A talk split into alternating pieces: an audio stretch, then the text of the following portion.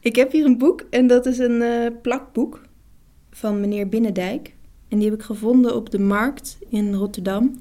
En dat was in een kraampje, een boekenkraampje. En meestal zitten daar allemaal boeketreeksen. En nu vond ik eh, dit plakboek. Het was ooit rood en nu is het een beetje oranje. En je ziet duidelijk waar de zon heeft gestaan. Eh, het is een ringband. Een beetje verroeste ring.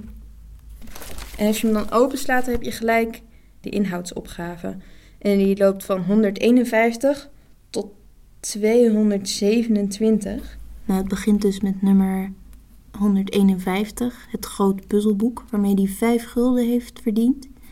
152 is de Elsevier, heeft hij 50 gulden mee verdiend. En dan met de Albert Heijn op 153 heeft hij 4 KLM-platen ontvangen. Hij heeft een heel net handschrift met krullen en het ziet er gewoon super netjes uit en piepklein. En volgens mij heeft hij ook, want hij heeft dan bovenaan uh, heeft hij inhoud opgeschreven. En dan met een liniaal heeft hij dan nog een lijntje daaronder getrokken.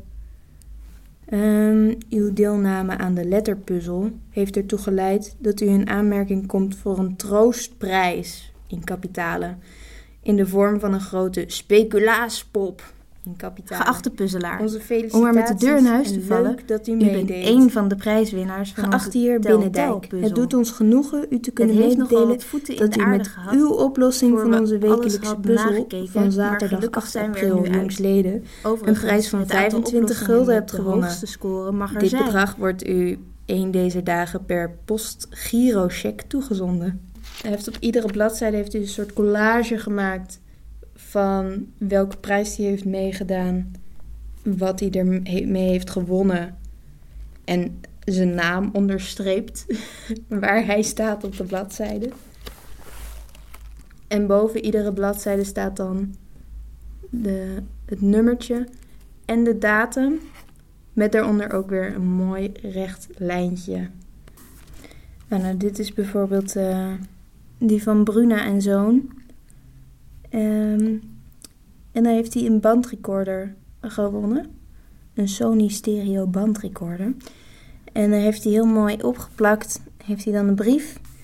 En dan heeft hij daar de stereo uitgeknipt en opgeplakt uit een blaadje.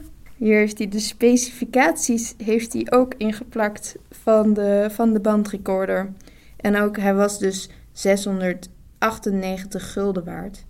Dan heeft hij, het was van de Bru- Bruna en Zoon, heeft hij een beertje van de Bruna heeft hij uitgeknipt. En misschien zelfs ingekleurd. En dan heeft hij zo de pootjes van het beertje precies over de specificatie heen geplakt.